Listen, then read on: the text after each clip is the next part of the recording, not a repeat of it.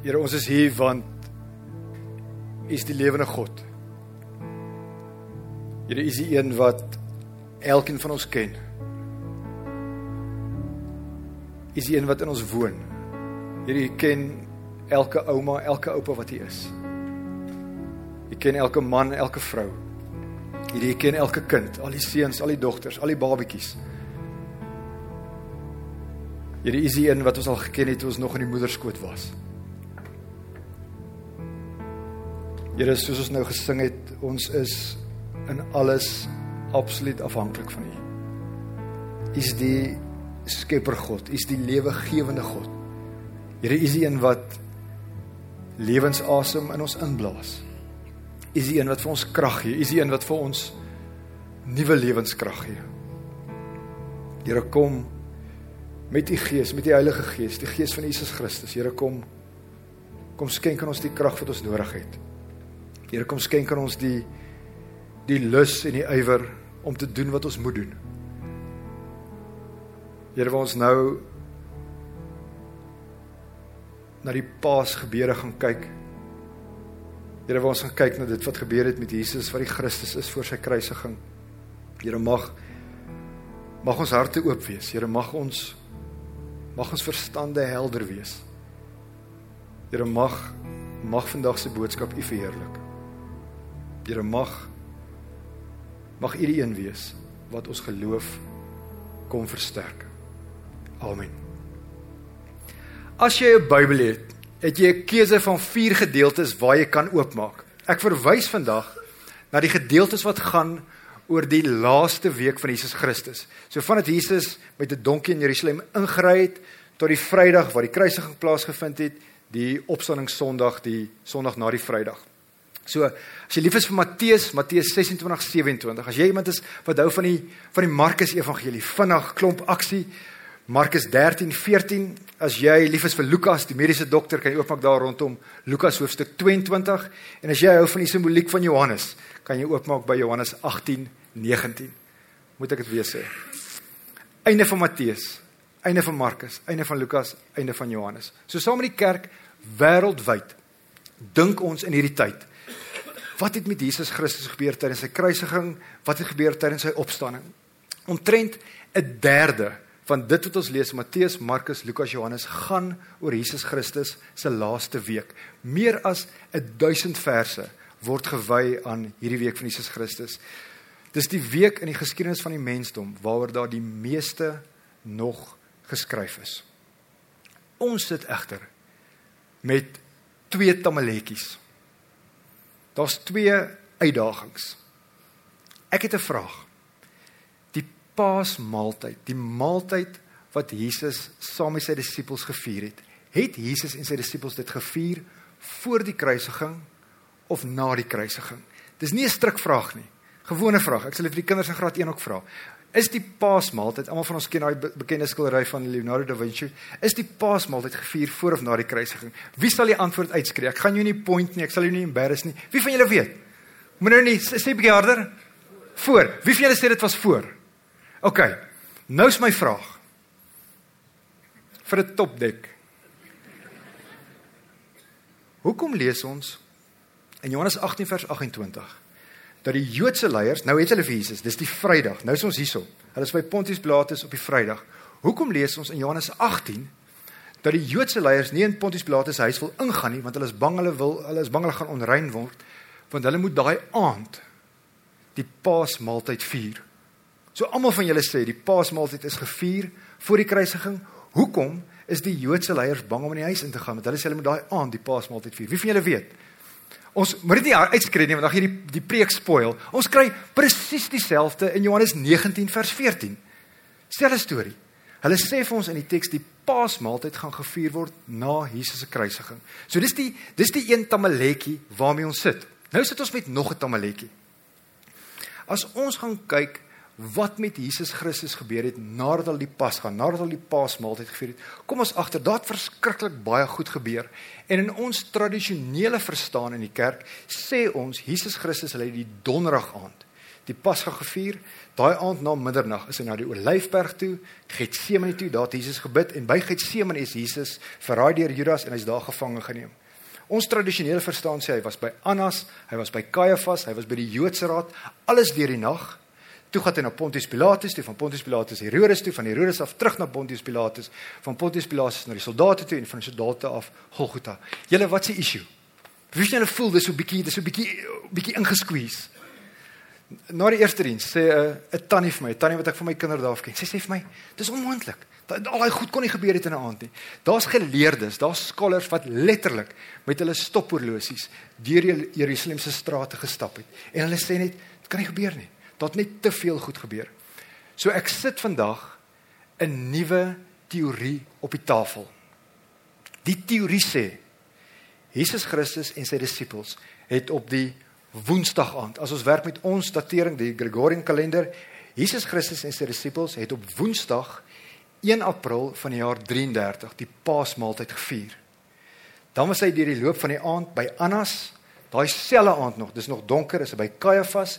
Die volgende dag, 2 April van die jaar 33, is hy voor die Joodse Raad terwyl die son skyn. En eers die Vrydagoggend word hy aan Pontius Pilatus oorgelewer. Dis 'n teorie van professor Colin Humphreys. Hy's 'n prof by Cambridge en hy werk met 'n klomp teologiese insigte. Onder andere 'n prof Gordon wat ook by Cambridge is, 'n prof Bokmeel van Oxford. En dan as ek praat oor die datums, as ek praat van die jaar 30, as ek praat van die jaar 33, as ek praat van die kalenders wat in Jerusalem was in die tyd van die Nuwe Testament, werk ons met die insigte die insigte van 'n astrofisikus met die naam Dr. Graham Waddington. Dis 'n teorie wat ek met julle wil deel want dit versterk my geloof. Dis 'n teorie wat ek met julle wil deel want dit maak meer sin. Ons kan meer sin maak omdat ons lees in Matteus, Markus, Lukas, Johannes as ons werk met hierdie teorie. Dis nie die enigste teorie nie. As jy kan kom met 'n beter teorie as die profs van Oxford en Harvard, asseblief stuur vir my 'n e-pos en goed en ek ek gaan nie weet wat jy sê nie, maar ek sal dit aanstuur vir die mense wat kinders is van die Nuwe Testament. Is julle reg? Kan ons begin? So Jesus en sy disippels vier die Woensdag aand die Pasga.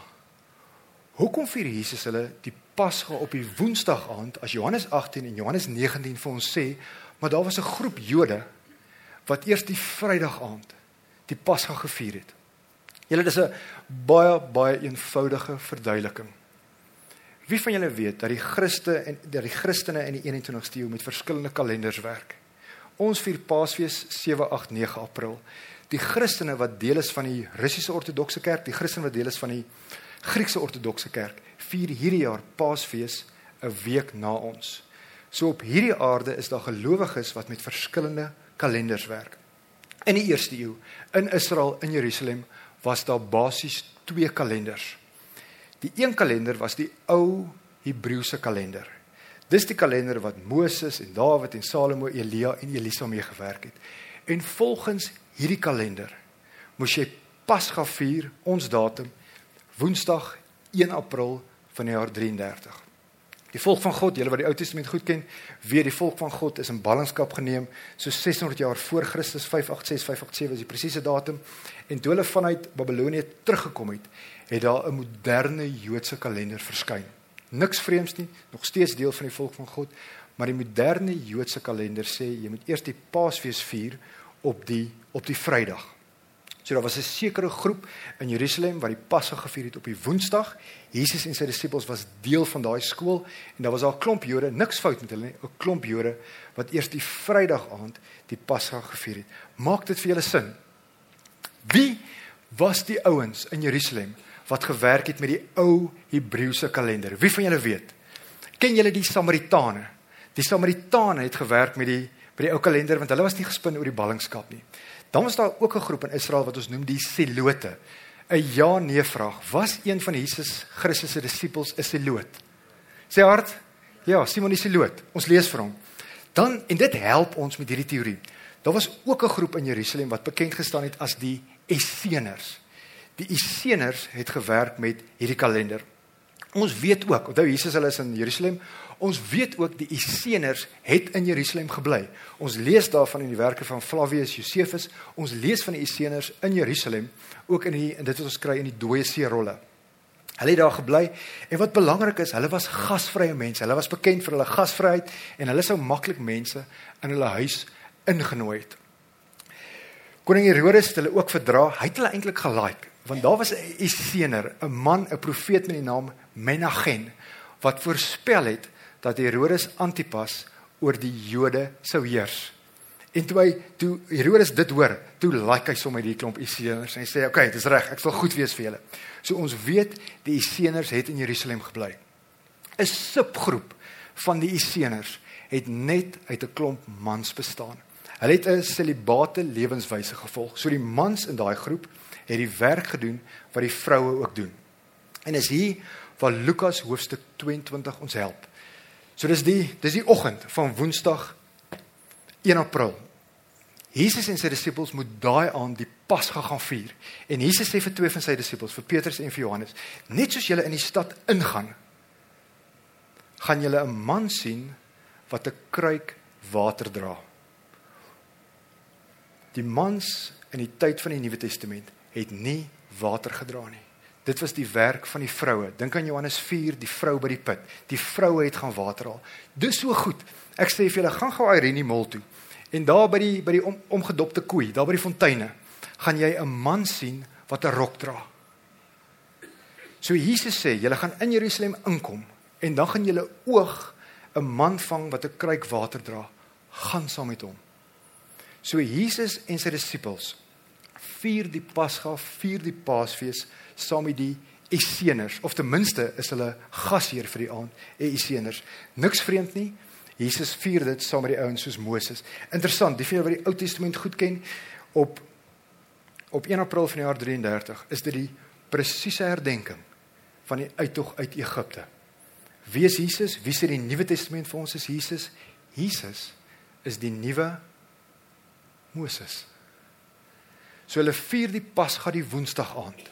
Hulle sing die lofsang. Jesus stel die die nagmaal in en hulle gaan van daar af na die Olyfberg toe, van die Olyfberg na die tuin van Getsemane toe. Judas verraai vir Jesus daarso. Die soldate bind vir Jesus vas, belangrik, hulle sê hulle boei vir Jesus Christus en hulle vat hom eerste na Annas toe. Wie van julle weet wie was Annas? As dit 2 punt vraag is, graad 6 toets. Wie van julle sal iets kan sê oor Annas? Die die beste manier om Annas te verstaan is om 'n vergelyking te gebruik met 'n met 'n familiebesigheid. Wie van julle is in 'n familiebesigheid? Kan ek gou sien? Niks vreemds nie. 'n Pa begin die besigheid. Hy's die patriarg van hierdie besigheid, maar toe hy so 60 geword het, toe gee hy die die leiersels oor aan sy seun wat 35 is. So op sy seun se signature, op sy besigheidskaartjie staan daar CEO/MD. Maar hy's nie in beheer nie. Sy pa's nog elke dag by die werk en sy pa maak al die besluite. Dis wie Annas was. Annas was die alfa male in Jerusalem. Hy was die hoofpriester. Maar toe die Romeine gekom en hulle het hom afgedank. Maar hy's nog steeds die mees invloedryke invloedryke Jood in Jerusalem. So hulle vat vir Jesus heel eerste na Annas toe. En is hier by Annas waar ons vir die eerste keer 'n 'n tydsaanduiding kry. Hulle ontvra vir Jesus en daar by Annas verloon Petrus vir Jesus vir die eerste keer. Daar kom 'n diensmeisie en ons taal daar kom 'n huisbediende, 'n oorskoolmeisie kom na kom na Petrus toe en sy sê vir Petrus, "Maar jy was ook saam met hom. Jy was ook by hom." En Petrus sê maar, "Ek was nie. Hy verloon vir Jesus Christus." En dan lees ons 'n haan het gekraai mag daar hane in Jerusalem gewees het.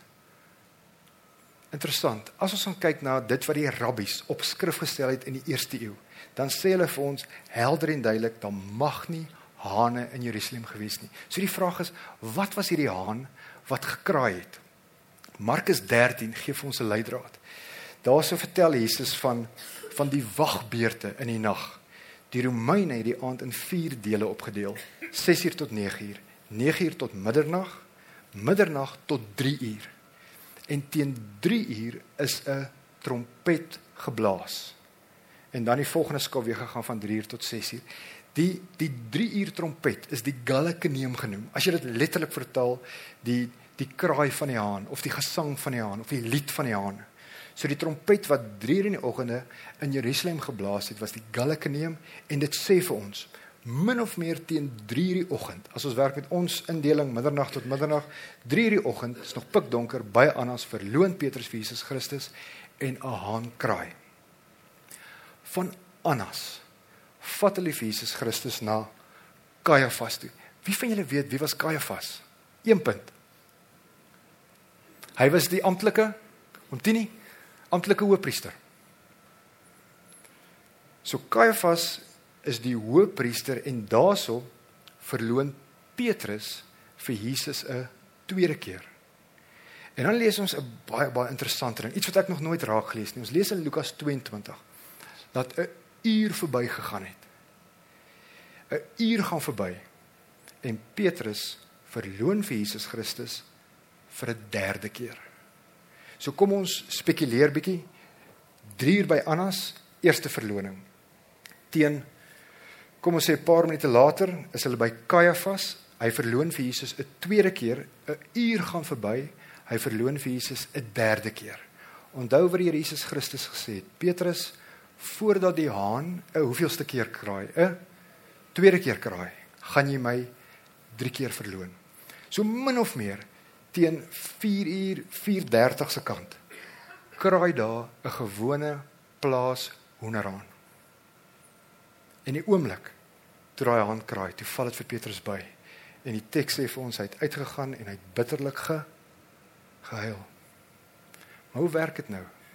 Die rabbi sê dan mag nie hane in Jerusalem wees nie. Hulle het gedink die hane is vuil goeters. Hulle versprei onreinheid soos hulle pik en dan stap hulle van hierdie plek na daai offer toe en maak hulle hierdie mense vuil. Dan raak jy aan aan 'n aan 'n melaatse persoon dan. Okay, so hulle hulle het nie hulle het nie hane gelike nie. In julle jong dae. Wie van julle het in 'n kompleks gebly waar die reëls gesê het geen katte? Maar daar was wel katte in die kompleks. Ken julle dit? OK, so die rabbi sê geen hane nie. Maar as ons kyk na die Mishnah. Die Mishnah is die opskrifstelling van die Joodse se mondelinge tradisie. Tradisie. As ons kyk wat die Mishnah sê, dan sien op sien ons op minstens 3 plekke sê die Jode vir ons, daar was wel hoenderhane, plaashoenderhane in Jerusalem. Wie van julle het al in die aand wakker geword? Nou lê jy in die bed. Jou horlosie, jou selfoon is nie naby jou nie. Nou lê jy choopstil. Nou luister jy, is daar voeltjies wat roep. Wie van julle ken dit? Wie van julle doen dit keer? Wie van julle wat klein kindertjies het, het dit al gedoen? So dis dis so lekker as dit choopstil is, want dan weet jy dis nog so 1 uur, 2 uur, jy het nog 'n paar ure se slaap. So dis wat hier gebeur. Niks vreemd vir 'n haan om te kraai 'n uur voor sonopkoms nie. So ons glo 3 uur is Jesus by by Annas. Hulle vat vir Jesus na Kajafas toe verloon hom. Die Bybelteks sê vir ons 'n uur gaan verby en so teen 4 uur 4:30 se kant, 'n uur voor sonsopkoms, kraai 'n haan, 'n gewone hoenderhaan. En dan van daardie af vat hulle vir Jesus Christus na die Joodse raad toe. Wie van julle is lief vir die reg? Wie van julle het iewers in julle lewe 'n B-prok of 'n LLB of 'n of 'n B kom regte gekry? Interessant. In ons Julle is so nederig vandag. Kan ek gou sien, maar wie veel stel belang in die reg? Wie veel het in die ou dae LA Law gekyk? Ellie McBeal. Alrite. Das deesdae baie beter vir eers goed. Alrite. Interessant. In ons tradisionele verstaan, dink ons Jesus Christus was in die aand by die Joodse raad. Maar dit kan nie wees nie. Want die Joodse wette sê as daar 'n saak op die tafel van die Sanhedrin, dis die Joodse raad is. As daar 'n saak op die tafel van die Sanhedrin land waar die doodstraf ter sprake is, dan moet die verhoor in die daglig plaasvind. Ons kry dit in die Mishnah, in die traktaat Mishnah Sanhedrin 4.1. So die doodstraf is hier ter sprake. Die Jode weet, hulle moet vir Jesus Christus in die dag verhoor. Interessant, die Mishnah sê ook as jy as jy iemand skuldig bevind, jy bevind hom skuldig aan moord, dan mag jy hom nie daai selfde dag doodmaak nie. Jy moet wag tot die volgende dag en dan moet dan moet daar weer 'n vergadering van die raad plaasvind. In in Engels sal ons sê you have to sleep on it. Wie van julle het al 'n besluit geneem in jou kop? Jy het nog van niemand gesê nie. Jy maak 'n besluit. Jy besluit jy gaan links gaan. Dan gaan jy huis toe, jy praat bietjie daar met jou huismense, jy bel dalk 'n pel. Jy gaan slaap rustig ter die aand en jy staan die volgende oggend op en jy sê dit dit, dit dit sal nie 'n wyse besluit wees nie en jy besluit om in 'n ander rigting te gaan. Wie van julle het al na 24 uur julle mind gechange? Kan ek gou sien? Niks vreemds nie. So die Jode is mense, hulle is deurdrink van die wysheidsliteratuur in die Ou Testament. So is 'n goeie beginsel, goeie regsbeginsel. Jy kan iemand jy kan iemand skuldig bevind aan moord, maar jy mag hom eers die volgende dag teregstel. So met interessante iets. Julle ken vir Fanie Venter, ons leier dominee. Hy sê vir my 'n paar jaar terug, klomp jare terug, preek hy oor die dinge wat staan tussen ons en die Here. Hy sê na die na die diens kom 'n man en hy haal sy sleutels uit. Dis is dis is sleutels van sy Porsche. En hy sê vir Fanie, Fanie, hierdie kar staan tussen my en die Here. Vat asseblief hierdie kar. En hy sê vir Fanie, Fanie, my my kar staan by daai deur ek kan nie daar uitstap nie. As ek ek kry sommer hoendervleis as ek sê, as as ek daar gaan uitstap, gaan ek daai kar vir my sien en dan gaan ek hom weer terug hê. So hy sê, "Fanie, jy kan by daardeur uitstap. Ek gaan by daardeur uitstap." Ek weet wie van julle dink Fanie het die maandagooggend 'n oproep gekry. En die ou het gesê, "Man, ek nou ek nou so 'n bietjie gaan dink." So, so niks vreemd nie. Ons ons kan in 24 uur ons ons mind change. Interessante is, hy het nie sy mind gechange nie kars verkoop en daai geld het gegaan vir Veritas in Indië en amper op die rand was dit genoeg geld vir die befondsing van dit wat in Indië moes gebeur. Alrite. So die Joodse Raad kom in die dag bymekaar. 2 April van die jaar 33. Nêrens, nêrens in Matteus, in Markus, in Lukas of Johannes lees ons dat Jesus Christus se verhoor 'n onwettige verhoor was nie. Ons lees van 'n klomp vals getuies. Maar nie Ma nie Matteus, nie Markus, nie Lukas, nie Johannes wat die Joodse wet geken het. Nie een van hulle sê hierdie verhoor was nie geldig nie. So die Joodse raad kom kom waarskynlik na middagete tot die konklusie dat Jesus doodgemaak moet word. Ons lees in die Bybelteks van twee woordjies en is iets as jy die Bybel vinnig lees, is dit iets wat mense net mis. Ons lees in die evangelies in Markus hoofstuk 14 dat daar en dis nou die interessante woordjie dat daar baie vals getuies gekom het. So een na die ander kom die ouens en hulle sê goed teen Jesus Christus. Dan lees ons in Matteus 26, baie interessante woordjie later. So dit gaan nou oor hierdie verhoog. Dit gaan oor oor hierdie die verhoog nie verhoor wat uitgereik was, wat 'n lang, wat 'n voldag verhoor was. Die vertaling sê vir ons later het twee mans na vore gekom en sê alright, Jesus het gesê hy gaan die tempel kan afbreek en in 3 dae weer opbou. In die Engelse vertalings word gepraat van later of eventually. Baie van Engelse vertalings gebruik die woordjie finally. So die verhoor van Jesus Christus was nie 'n afgejaagde proses wat binne 'n halfuur afgehandel gewees nie. Alraai. Die Joodse Raad besluit 71 van die mans besluit Jesus Christus moet doodgemaak word. Hierdie daar was daar mense wat gesê het Jesus moet nie doodgemaak word nie, maar die groot grootste meerderheid sê Jesus moet tereggestel word. Hulle mag nie mense doodmaak nie. Wie van julle het dit geweet? Dis iets wat ons eintlik al op op, op skool leer. Die Jode het nie die mag gehad om mense dood te maak nie.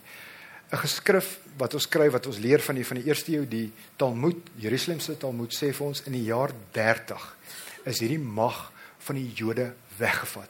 So tot die jaar 30, toe Jesus hulle kinders was, toe Petrus, Johannes hulle kinders was, kon die Jode mense teregstel. Maar vanaf die jaar 30 kon hulle dit nie meer doen nie. En hulle stuur 'n afvaardiging die donderdagmiddag na Pontius Pilatus toe. Pontius Pilatus was die belangrikste man in Judea, hy was die magtigste man. En jy kan nie by sy by sy deur opdag nie. Ek en jy kan nie na president Cyril Ramaphosa toe gaan deurklop en sê oor die president ek wil 'n afspraak met u maak nie. Hulle stuur 'n afvaardiging. En hulle sê vir Pontius Pilatus Pilatus, gouverneur, prokurator, ons wil iemand laat regstel. En hy sê vir hulle kom sien my môreoggend vroeg. Nou 'n stuk spekulasie. Pontius Pilatus gaan huis toe. En hy praat met sy vrou.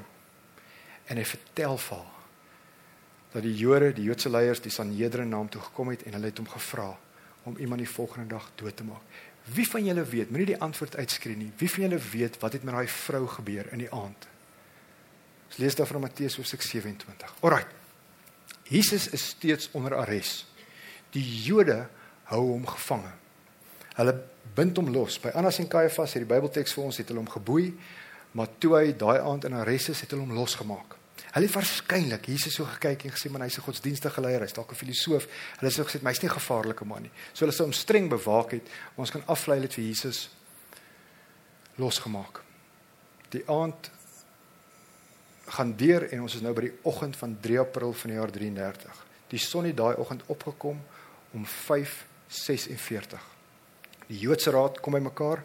Hulle bevestig wat hulle die vorige dag vorige dag besluit het, Jesus Christus moet doodgemaak word. En hulle gaan baie vroeg daai oggend na Pontius Pilatus toe. Interessant, wat sê die Bybel vir ons? Hulle het vir Jesus toe weer geboei, het hom weer vasgebind. Uit buite Bybelse bronne weet ons dat die Romeine baie baie vroeg begin werk het. Hulle vat vir Jesus na Pontius Pilatus toe. Pontius Pilatus is nie stupid nie. Hy hy, hy weet Jesus is onskuldig. As jy Matteus, Markus, Lukas, Johannes lees en jy lees dit met 'n highlighter, kom jy baie vinnig agter. Hy hy weet Jesus is onskuldig. So hy's nie lus vir hier verhoor nie. Hy's nie lus om iemand daai dag te kruisig nie. En in sy eerste ondervraging kom hy agter Jesus kom van die noorde af. Jesus kom van Nasaret af, Galilea, dis die magsgebied van Herodes Antipas. Herodes Antipas is 'n bietjie van 'n kom ons sê hy's 'n baster Jood. Hy is daar in Jerusalem vir die vir die fees. Hy stuur vir Jesus na Pontius Pilatus. Nee, hy Pontius Pilatus stuur vir Jesus na Herodes toe. Herodes het 'n bietjie van 'n fascinasie gehad met Christus. Hy het 'n fascinasie gehad met Johannes die Doper. Hy het gehoop Jesus doen een of ander triek. Hy het gehoor van die die wondertekens, die wonderwerke wat Jesus Christus doen. Maar Jesus Christus is choopstal by Herodes. Die Bybelgedeelte sê vir ons hy sê absoluut niks by Herodes nie. So Herodes kry niks uitgerig nie en hy stuur vir Jesus Christus terug na Pontius Pilatus. So dis nog die oggend baie vroeg. En dan die interessante is, as ons die Bybelgedeeltes lees van die gesprek tussen Jesus Christus en Pontius Pilatus, dan kom ons agter Pontius Pilatus is baie geduldig met die Jode. En dis 'n baie vreemde ding, want Pontius Pilatus toe hy 'n jong man was, was geensins geduldig nie. Hy was 'n koelbloedige moordenaar. As as jy dit vertaal wat in Latyn oor Pontius Pilatus geskryf is, word die woorde ruthless gebruik. Hy was 'n wrede man. Ons lees daarvan in Lukas 13 vers 1. Daar was 'n klomp Galileërs wat geoffer het en dan lees ons aan die aan die begin van hoofstuk 13 dat Pontius Pilatus daai mans net daar doodgemaak het. Hulle bloed is gemeng met die bloed van hulle offers. So Pontius Pilatus is 'n militarist, hy het begin in die weermag. Maar nou lees ons in die teks dat hy dat hy so geduldig is. Dit is asof hy hierdie Jode kans gee om te praat. So hoe werk dit? Die sleutel tot Pontius Pilatus se gedrag is 'n man met die naam Sejanus. Sejanus was 'n tydgenoot van Pontius Pilatus. Hy was 'n hoë amptenaar in die Romeinse ryk en hy's ook die persoon wat Pontius Pilatus aangestel het. Pontius Pilatus, nee, skus nie Pontius Pilatus nie, Sejanus was 'n klein Hitler. Hy wou die Jode met alles in hom uitroei. In die eerste eeu in die tyd van Jesus Christus, tyd van die disippels, was daar 'n adrekskundige met die naam Strabo. Julle kan kan 'n bietjie Google vanmiddag. Strabo het gesê daar's nie 'n plek op hierdie aarde waar daar nie Jode is nie. So sê Janus het alles in sy vermoë gedoen om die Jode wat in die Romeinse ryk is uit te roei. Maar hy het sy hand oorspeel. Hy het te ver gegaan. En op 'n dag op 18 Oktober van die jaar 30 laat keiser Tiberius vir sy Janus doodmaak sy Janus word deur die keiser tereggestel en die keiser, keiser Tiberius, stuur 'n boodskap aan al sy goewerneurs. En al wat hy vir hulle sê is: "Behandel die Jode billik." Die keiser het nie gehuiwer om 'n goewerneur dood te maak nie. Hulle het geweet hulle kop is op die spel. En Pontius Pilatus is dus gehoorsaam aan hierdie opdrag wat hy so 3 jaar terug gekry het. Uiteindelik gee hy in. Uiteindelik was hy sy hande in onskuld en hy gee vier Romeinse soldate om Jesus Christus weg te vat. Die Bybelteks sê vir ons teen 9:00 die oggend, 9:00 van Vrydag 3 April word Jesus Christus gekruisig.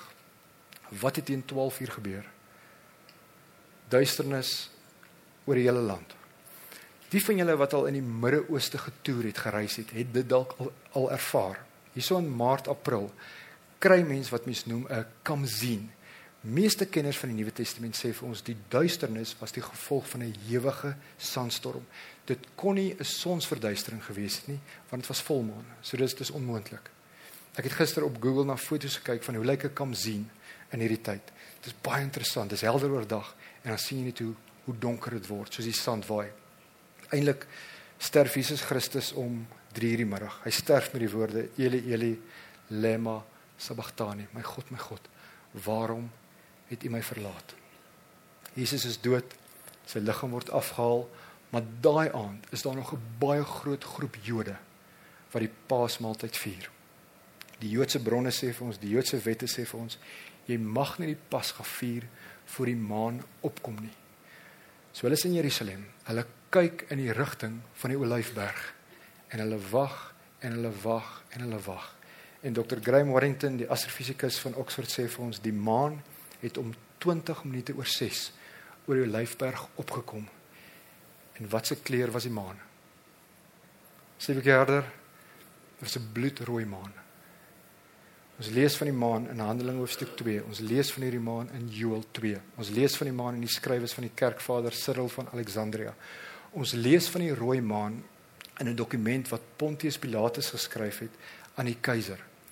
Die kerkvader Tertullianus maak melding van hierdie geskrif en in hierdie in hierdie dokument dokument van Pontius Pilatus skryf hy oor die duisternis en hy skryf oor die maan wat rooi was. 'n Bloedmaan is nie oral sigbaar nie. 'n bloedmaan was wel sigbaar om 20 oor 6 in die jaar 33 toe hulle daar so in Jerusalem was. Hoekom? Hoekom skryf Matteus en Markus en Lukas en Johannes vir ons hierdie goed? Hulle skryf dit vir ons sodat ons kan weet dat Jesus die Christus is. Hulle skryf hierdie goed vir ons op sodat ons kan weet dat Jesus die Christus is wat die seun is van die lewende God en sodat ons in hom en deur hom die lewe kan hê. Jesus is die een wat self gesê het: Gelukkig is die persoon wat my nie gesien het nie en tog tot geloof gekom het. Amen. Ons Here. Here, ons is hier. Ons leef in die 21ste eeu.